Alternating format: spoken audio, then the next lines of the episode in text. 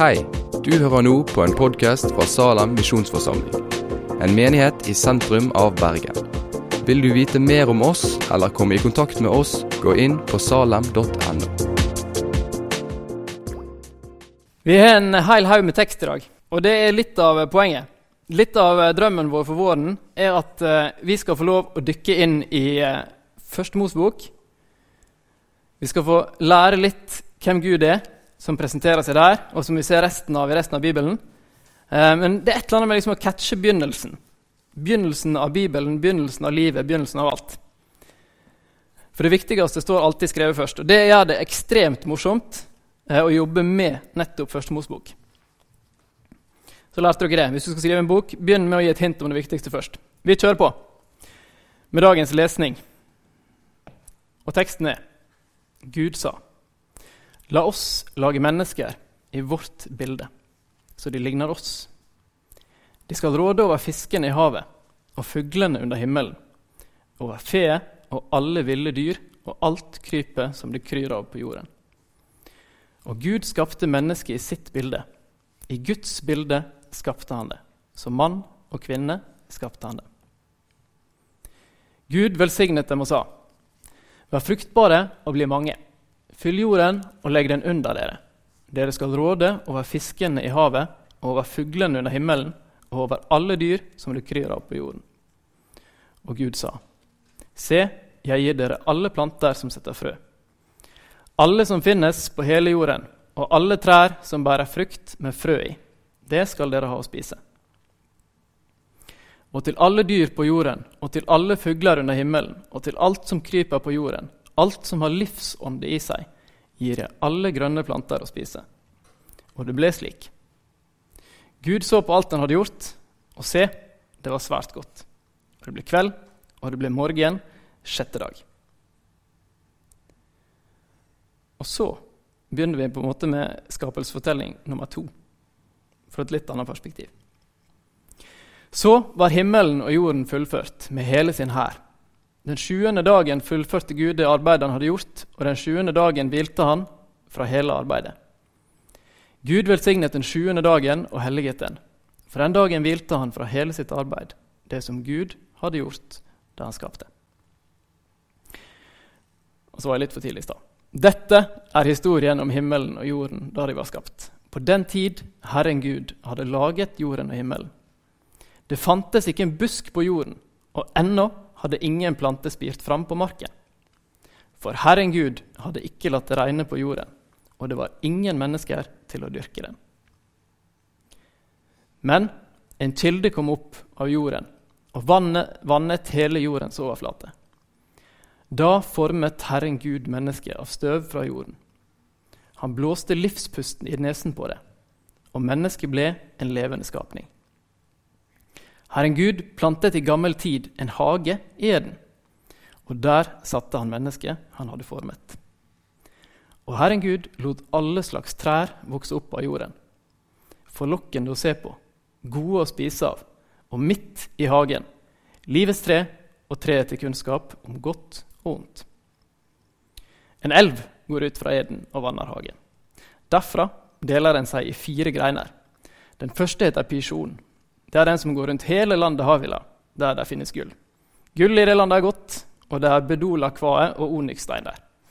Forlokkende å se, se, på og gode å spise av. Og midt i hagen Føler dere at det er en tekst som er litt uoversiktlig? at dere kan la dere lure? den andre elven heter Gihon. Det er den som går rundt hele landet Kurs. Den tredje elven heter Hiddekel. Det er den som går øst for Assur og den fjerde elven er Eufrat. Så tok Herren Gud mennesket og satte det i Edens hage til å dyrke og passe den. Og Herren Gud ga mennesket dette budet. Du må gjerne spise av alle trærne i hagen, men av treet til kunnskap om godt og ondt må du ikke spise. For den dagen du spiser av det, skal du dø. Da sa Herren Gud, det er ikke godt for mennesket å være alene. Jeg vil lage en hjelper av samme slag. Herren Gud formet alle dyr på marken og alle fugler under himmelen av jord. Han førte dem til mennesket for å se hva han det ville kalle dem. Det som mennesket kalte hver levende skapning, det fikk den til navn. Mennesket ga navn til alt fe og til himmelens fugler og til alle villmarkens dyr. Men til seg selv fant mennesket ingen hjelper av samme slag. Da lot Herren Gud en dyp søvn komme over mannen. Mens han sov, tok han et ribbein og fylte igjen med kjøtt. Av ribbeinet Herren Gud hadde tatt fra mannen, bygde han en kvinne. Og han førte henne til mannen. Da sa mannen, Nå er det bein av mine bein og kjøtt av mitt kjøtt. Hun skal kalles kvinne, for av mannen er hun tatt. Eh, på hebraisk så er det to ulike endinger, så det er egentlig et ordspill. Dere som kan latinske språk, vet sikkert litt om sånt. Derfor skal mannen forlate sin far og sin mor og holde fast ved sin kvinne. Og de to skal være én kropp. Begge var nakne, både mannen og kvinnen, og de skammet seg ikke for hverandre. Skapt i Guds bilde, skapt til å ligne Gud. Det er ekstremt store ord i overskrifta i dagens tale. Eh, og eh, Temaet er liksom det er så stort at det å være kort og god er vanskeligere enn langt og enda lenger. Men vi skal prøve oss. Vi skal begynne med litt bilde. Eh, og vi skal begynne med et eksempel som øyeblikk kommer opp her. Hvis dere ser på han der, så ser dere på neste bilde. Så ser dere sønnen. Eh, og Mange vil da hevde at Kristian eh, Lilleheim er som snytt ut av nesa på sin far. Andre vil kanskje mene det motsatte. Poenget er at alle fedre og alle mødre legger igjen noen av sine egne egenskaper i sine barn. Det kan være at du ligner eh, Vi trenger ikke å se på Kristian hele kvelden. vi kan ta vekk. Det kan være at du ligner på din mor du kan være at du ligner på din far på en eller annen måte. Jeg veit ikke. Min farfar han brukte å le. Eh, sånn, når han satt i en stol, så lo han sånn at magen rista. Og den, eh, det, var en, det var ekstremt visuelt når han lo. Så fikk pappa nok mage. Og så, lo mage, så ler Hass sin mage like masse som farfar sin en gang lo. Sjøl venter jeg i spenning. Hvem veit? Det er en del egenskaper som eh, mennesket gir videre, som gjør at en kan se hvor de kommer fra. Eh, og du har helt sikkert hørt mange ganger at du ligner på den og den og den som har gått foran deg. Teksten vår i dag den forteller aldri oss hvordan Gud ser ut. Eh, men den forteller oss masse om hva det vil si å gjenkjenne. Eh, og det er det å være skapt i Guds bilde handler om. At Gud gjenkjenner eh, noe i oss som gjør at han kan ha et fellesskap med oss. Og det er det som er litt av vår greie, dette med gjenkjennelse. Når vi kommer til eh, kafétid i dag, så kommer du til å løpe forbi mange som du egentlig er ganske masse til felles med. Hvis du hadde truffet mange av de du løper forbi i dag, i Syden, hva hadde du gjort da? Jo, selvfølgelig, du hadde invitert dem på kaffe, du hadde snakka om alt dere har til felles, både språk, dere går i Salem, dere bor i Bergen. Ja, og hva driver du med nå, da? Ja, stemmer det, det drev du med sist for et år. Også. Det er en gjenkjennelse eh, som legger grunnlag for et fellesskap. Men der du i kveld kanskje lettest snakker med de du har aller størst gjenkjennelse med, så er hovedpoenget med å være skapt i Guds bilde er at det er Gud at vi kan finne aller, aller mest gjenkjennelse. Den ultimate formen for relasjon, den plassen vi var tenkt til å dele alt. Det er det første eh, vi skal merke oss i dag. Det er tenkt som den tetteste, tetteste relasjonen. Og bare tenk på vers 7, der Gud sier i kapittel 2.: Gud Herren formet mennesket av jordens støv og blåste livets ånde i hans nese og ble til en levende sjel. Livet som vi har fått, er det faktisk Gud som er blåst inn i oss. Og Når vi skal snakke om dette med mennesket Guds så kunne vi snakka masse om den uendelige verdien som gjør at menneskets verdighet er fullstendig ukrenkelig. Men det er det veldig mange som snakker masse om før. Gå og Finn dere en god podkast. Eh, og kjemp videre for livets rett, for alle disse gode politiske spørsmåla som også stammer fra dette temaet her. Men hovedtemaet i dag handler nettopp om relasjon. For en mor og en far som får et barn, legger noe av seg sjøl i det. Men først og fremst så vil de ha et fellesskap med det barnet. Og det er akkurat dønn det samme som Gud tenker med oss når han skaper oss i sitt bilde. Den andre tingen som vi skal tenke på eh, når vi snakker om det her, det er at vi er skapt til å verdsette det Gud verdsetter. Hvis du ser i kapittel 1, vers 31, så sier Gud Tenk deg at Gud lener seg tilbake. Den der skikkelig gode stolfeelingen. Han smiler fornøyd. Hvis han har mage, så kan det hende han til slutt legger hendene ned på magen, og så sier han Gud så at alt det han hadde gjort Han så på alt det han hadde gjort, og se, det var overmåte godt. Det er ikke en sånn formulering Det er ikke en sånn formulering som at ja, og Gud så at det han hadde gjort, det var bra. Det er komma. Og se! Legg ekstra vekt på dette her. Det var veldig godt. Det var svært godt. Det var fantastisk. Vi er kalt til å verdsette det som Gud verdsetter, og det som Gud har skapt. Og det er rett og slett en litt sånn, Vi er kalt til å dele estetisk sans med Gud. Kanskje en litt fremmed tanke? Men enkelt og greit alt som er vakkert og godt, og kunst og natur Liljene på marken, som, som Arne snakket om, jeg leste om fra Matteus i stad. Det er noe vi skal få verdsette og være takknemlige for. Det tredje hovedpoenget med å være skapt i Guds bilde, det er rett og slett å arbeide. Ikke bare i kirke. For de av dere som trodde det. Hele jorda tilhører Gud, og vårt kall, som det kommer fram i hele den teksten der, er å være med og bygge den jorda. Det er bare å, det er bare å krype i eksempel, holdt på å si. Veldig dårlig begrep, men uh, det er bading i eksempel. For eksempel så har du den her at Og Gud tok mennesket og satte ham i Edens hage til å dyrke og vokte dem. Gud jobber, vi skal få jobbe, og vi skal få vite at det er noe sant og noe godt å få arbeide.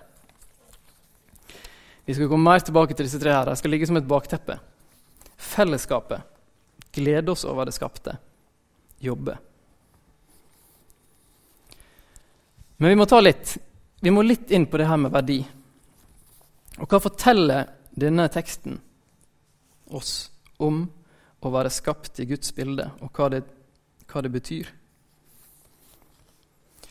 Det ene er at det er en faktisk verdi. Fordi Gud har skapt, og Gud har sagt at mennesket er et bilde av Han. Derfor er mennesket uendelig mye verdt. Men det vi skal se litt mer på, er den der erfarte verdien. Hva vil det si å erfare at vi er skapt i Guds bilde? Hvis dere ser på vers 25, eh, så står det at både Adam og Eva var nakne, men de skamma seg ikke. Hovedgrunnen til at det verset er skrevet, er ganske enkelt at skam er ikke noe nytt. For de første som leste Mosebøkene, så tror jeg det der var like spesielt som det er spesielt for oss. Men veldig enkelt skam. Dette ordet som har blitt en egen TV-serie fordi det er så viktig, og har fått eh, anerkjennelse for å ta opp noen av de viktigste temaene betyr enkelt og greit å ha en sterkt ubehagelig følelse og ha vist en nedverdigende side av seg sjøl, og dermed avslørt seg sjøl som mislykka, udugelig eller umoralsk. Nært knytta til sjølfølelse, til å føle seg liten, med ønske om å synke i jorda. Adam og Eva har ingen ønske om å synke i jorda. De føler seg ikke mislykka, de føler seg ikke udugelige, de føler seg ikke umoralske. Fordi at i fellesskapet med Gud så skjønner de at alle ting har et mål utover dem sjøl. Fordi Gud er sentrum. Fordi Gud gir dem alt de trenger av verdighet og trygghet, så trenger de ikke å føle skam. Så i denne perfekte verden som her er beskrevet, så er mennesket på en måte som vi ikke kan skjønne helt, fullstendig åpne om seg sjøl og er helt avslappa på det. Idealet som veldig mange strekker seg etter i dag, der en skal kunne snakke på en måte i sosiale medier om alt som ikke er perfekt, eh, det slapper Adam og Eva naturlig av for i fellesskap med Gud.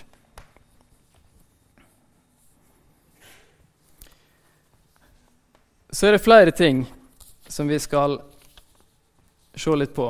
Men det er én ting jeg har litt lyst til å ta en, en liten, nærmest en liten pause. Fra denne perfekte verden her og til vår verden i dag. Og stille liksom spørsmålet Hvis vi er skapt i Guds bilde, betyr det at vi Og vi er skapt et fellesskap med Gud som er nærmest det tetteste fellesskapet som finnes. Har vi en eller annen form for heimlengsel? Og jeg vet ikke om dere kjenner på det sjøl, og dere er helt sikkert garantert kjent på fristelsen at på en sånn dag som i dag så har dere mer lyst til å være ute. Opp med hånda alle som har mer lyst til å være ute i dag, men likevel kom. Eller feil spørsmål. Hvor mange av dere er det som har vært ute i dag og nytt sola? Perfekt. Takk. For bedre spørsmål. Eh, mange sier at søndags eh, formiddag så er det feil tidspunkt å være i kirka på. Da vil jeg være ute i naturen, for der føler jeg meg nærmest Gud. Og mange av oss kjenner faktisk at i naturen så er vi nær Gud. Fordi at det er et eller annet stort i det han er skapt. Og Da kan vi anerkjenne at Gud er skapt det, og det er et eller annet som skapes i oss. En lengsel etter dette mer. Hva er Gud? Men da er det et sånn, litt sånn filosofisk spørsmål, så alle dere som syns det er gøy, nå får dere deres sine to minutter. Gratulerer. Er det mulig at vår menneskelige natur har en drift eller en lengsel som er retta mot ingenting. Sult er retta mot mat. Seksualitet er retta mot sex. Trøtthet er retta mot søvn, osv., osv. Om ikke denne lengselen som en kjenner på når en er, ser et eller annet vakkert, hører et eller annet vakkert, som på en måte sprenger rammene våre Om ikke den har et mål, så er det den eneste målløse drift eller lengsel vi faktisk har. Er det logisk?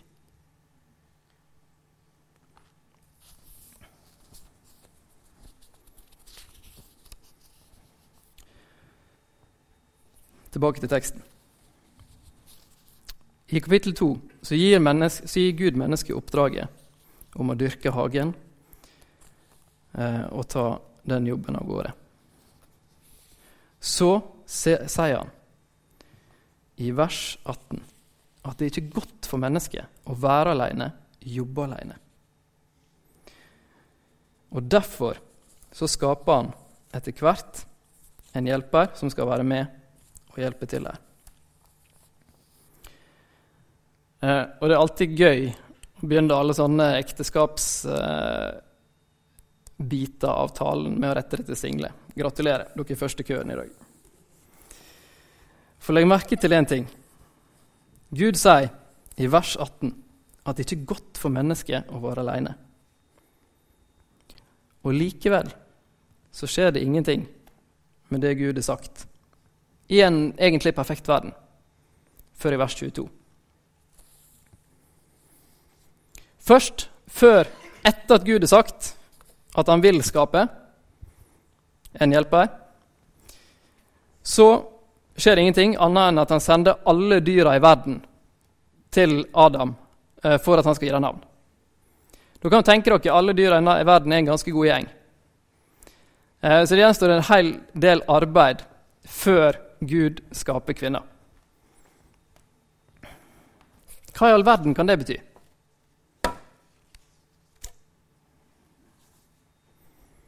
hele kvelden? Nei, enkelt og greit. Eh, hvis vi skal tolke den teksten der i sammenheng med resten av Bibelen, så forteller det at den primære relasjonen alltid er menneske og Gud. Så Adam kjenner helt sikkert på den lengselen. Han veit at livet ikke er på en måte der det skulle være. Og Likevel så vil Gud at, ha fellesskap med ham først. Og sammen setter de navn på alle dyra. Fordi Gud ville at Adam skulle Gud ville rett og slett se hva Adam kalte dyra. Nok et eksempel på arbeidet. Gud ønsker at vi skal jobbe. Gud ønsker at vi skal være med og bygge den verden som han har skapt. Etter det skaper Gud kvinner. Så det var til alle single. Adam fikk ikke kone med en gang Gud så at han hadde et behov. Så løfter de her fram to. At når ekteskapet mellom disse to løfter fram, blir løfta fram som den eneste ramma for de som er skapt i Guds bilde, til å gi av seg sjøl, så er det to ting vi skal ta med. I vers 24 så står det de to skal være én kropp. Begge skapt av Gud, og i denne fortellinga skapt av den samme kroppen. Av det samme, dønn forskjellig, og likevel ett. Og nummer to, og grunnen til at dette her er en bra relasjon, og ikke sånn som eh, det blir i kapittel 3 i syndefallet, det er fordi at Gud er en del av denne relasjonen. De føler ingen skam, de føler ingen behov for å skylde på den andre. Og relasjonen til Gud gjør at relasjonen de imellom blir perfekt. Så er det noe med at denne historien så langt er for god til å være sant. På mange måter. Og når noe høres for godt ut til å være sant, så har du to alternativ. Du kan sikkert tenke til det. Men alternativ én, det er faktisk ikke sant. Eller alternativ to, du mangler fantasi. Og dine forestillingsevner stanger i på en måte taket av der erfaringene våre har lært oss at ting kan være. Og i dette tilfellet så gjelder det faktisk nummer to. For erfaringa vår tilsier at verden er annerledes. Verden er ikke så perfekt. Dette her er en verden, verden, med skam, med synd, med drit, med kaos. Her er like mye kaos som orden. Her er like masse intens smerte som glede. Her er like mye, om ikke mye mer, maktmisbruk som godt styre. Og i det landet der 80% gratulerer Norge, stikker av etter å ha gjort skade på andres biler Det er faktisk masse ekstremt masse, eh, så gir det håp å vite at der er noe sannhet i det som er blitt fortalt også i dag. Og i det landet som bombes i fillebiter av resten av verden, som del av en intens maktkamp, som f.eks. i Syria, der er det håp. Fordi at sjøl om vår verden ikke samstemmer med det vi hører om i kapittel 1 og 2, i Første Mosebok, så finnes det perfekte fellesskap i Gud. Der Faderen, Sønnen og Den hellige ånd lever i et tjenende, oppofrende samspill som vi ikke kan forstå, men del i. Vi kan få i det. Og Jesu liv, død og oppstandelse gjør at vi skal få lov å ta del i den relasjonen, dette fellesskapet med Gud. Vi som var meint og skapt til det fellesskapet som det først og fremst betyr å være skapt i Guds bilde. Og når du tar imot Jesus, så handler ikke det først og fremst om å få navnet sitt oppskrevet i livets bok. Og når du kommer til himmelen, så kan du si at navnet mitt står i boka. Eh, jeg skal inn.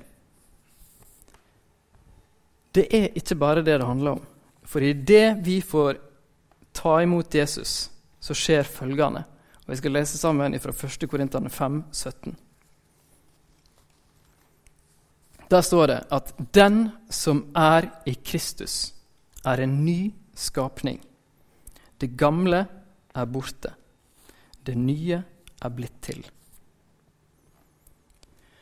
Og det stemmer kanskje ikke helt overens med måten du føler deg på. Men i Jesus, i det å få ta imot Den hellige ånd, i det å få bli ett med den treenige Gud, så kaster dette her om på hele livet vårt. Neste spørsmål. Hvor er himmelen?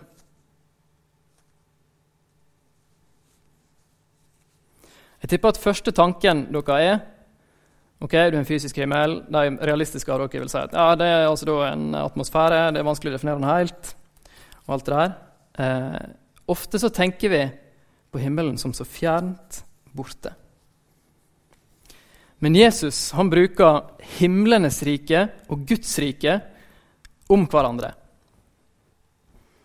Og I den teksten som ble lest som en intro på møtet, så står det 'søk først Guds rike', eller himlenes rike, om du vil kalle det det. Og veit hvor den begynner? Den begynner helt enkelt der din kropp slutter.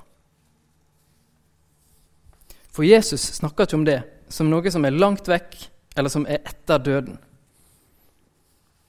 Det er ut ifra den virkeligheten Gud gjør under i dag. Når mennesket blir helbreda, så sitter ikke Gud på 10 000 lyrsås avstand og gjør det. Da er det fordi han er nær, og han handler ut ifra nærhet. Når Gud viser deg noe fra sitt ord som du jubler over, så gjør han det ifra området rundt deg. Gud er nær. Og hva er det dette her betyr? Fordi at Jesus er så radikal og sier at dette handler ikke om en ting som må fortjenes. På samme måte som dere ble skapt uten å verken ville eller fortjene det, så er frelsen når du tar imot Jesus. Det betyr at du blir satt i et fellesskap med en Gud som er dønn nær.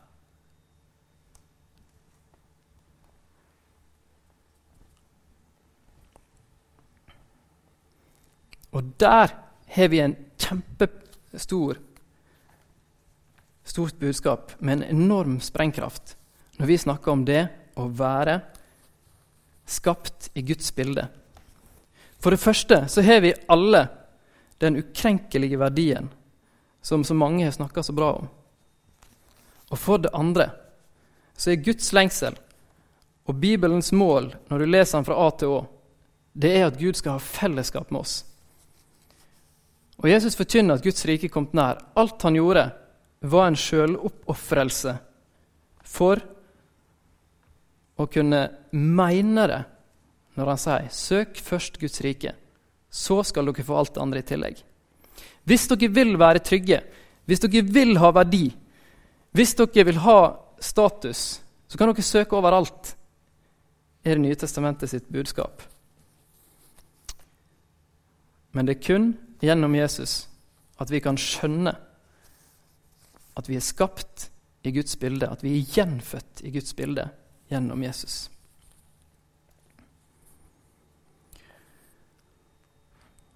Og det er der, når vi går tilbake og ser på en del av de tingene som dypest sett skapelsesfortellinga handler om,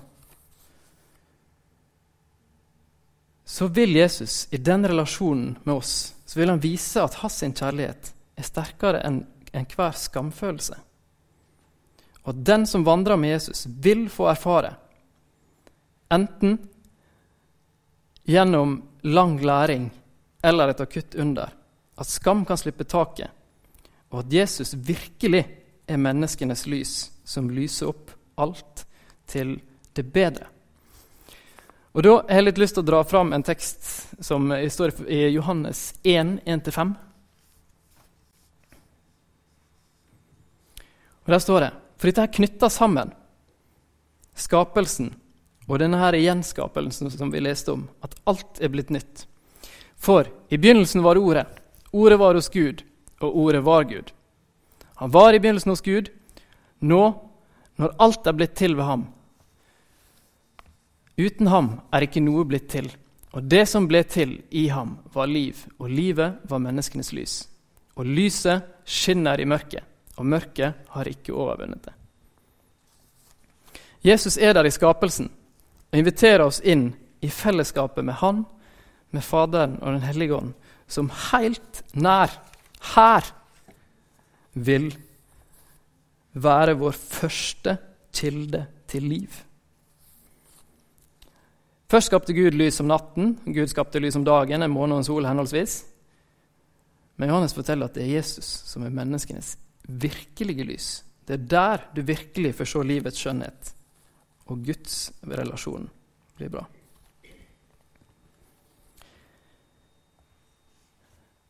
Arbeid var tenkt som et fellesskap med Gud i hans tjeneste. Men i vår verden så er arbeid blitt like masse en måte å realisere oss sjøl på. Vi kan søke det mest statusprega yrket. Og dere vet jo hvor det ender hvis alle kun skal ha den samme jobben. Da er ikke det mange igjen til å gjøre resten. Så viser Jesus at siden han skal sørge for oss, helt konkret og materielt, så kan istedenfor sjølrealisering og sjølsikring, så kan arbeid gjøre for å tjene Gud og våre medmennesker. Og Da slipper vi å kave til oss mest mulig enten det er status eller penger. Og når du får tillit til at Gud vil sørge for meg på et eller annet vis, enten gjennom at jeg får nok penger gjennom det arbeidet jeg gjør, eller at jeg får nok trygghet på en eller annen måte, så kan vi få lov å gjøre arbeid i takknemlighet. Og kanskje er en utfordring for noen av dere som kjenner på dette her. Hvis det er pengejager du kjenner på, så skal du spørre deg sjøl om i takknemlighet Kanskje skal du gi slipp noe av pengene. Kanskje skal du sjekke ut det som står i Malaki 3 Når vi får på skjermen her 10. Der det står Kom med hele tienden til forrådskammeret, så det finnes mat i mitt hus. Prøv meg på denne måten sier Herren over herskarene. Jeg skal sannelig åpne himmelens sluser og ute, øse ut velsignelse uten mål. Det betyr kanskje ikke at den sikreste måten å få pengene dine til å bli multiplisert i entepotens, er å gi dem til Gud. Men spørsmålet er hvem stoler du på? Vil du i tillit til Gud få erfare fellesskap med Han med å gi til Han, i takknemlighet, så Han kan få lov gjennom sin omsorg få gi deg det du trenger. Og kanskje det du trenger, er gleden over å gi. Kanskje det er så enkelt. Jeg vet ikke. Dette er en av de mange spørsmåla som folk, eh, folk må løse med Gud i sammenheng. Men alt vårt er hans når vi får tatt imot Jesus. Videre, i vår tid, så er seksualitet diskutert i spørsmålen der Bibelen egentlig er utrolig tydelig. Og Da er det lett å glemme. Gjør det til på en måte spørsmål om ja, tror du på Bibelen?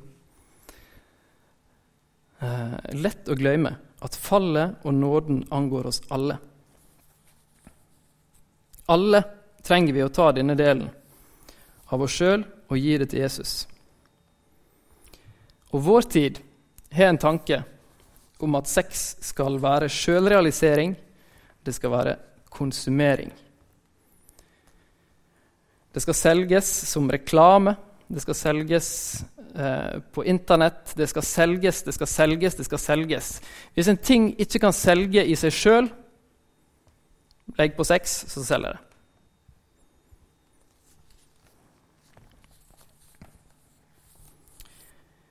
Bibelen bruker Jesu eksempel med at som Jesus ga seg sjøl, skal også mannen gi seg til kona, og vice versa. Og Dermed så handler det faktisk først og fremst, først og fremst om å gi seg sjøl innenfor de rammene av ekteskapet som Gud har gitt.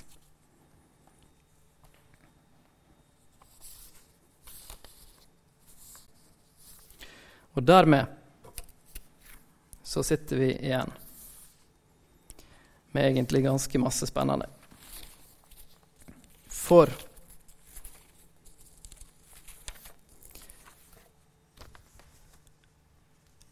til sjuende og sist så handler det å være skapt i Guds bilde om å ta hele livet vårt med alt det vi bærer, av godt og vondt, av rett og gale,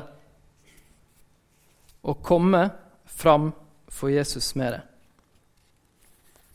Jeg vet ikke om dere har hørt fortellinga om eh, da Moses møtte Gud i ørkenen. Så fikk han beskjed om å legge fra seg staven sin. Den staven er et symbol på to ting.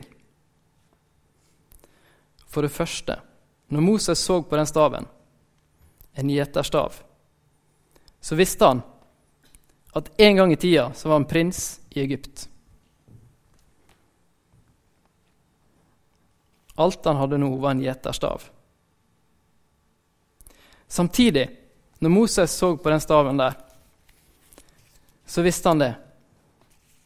At han var en gjeter, men jammen var han en rik gjeter. Alt han eide, alt som hadde gått bra for han, var symbolisert i den akkurat samme staven. Men Gud sa, 'Legg den ned'. Og Det er Guds kall til oss. Fordi at det å være skapt i Guds bilde og læren om det, handler ikke først og fremst om en forklaring til bedre sjølfølelse. Men det er en oppfordring og en lære til etterfølgelse.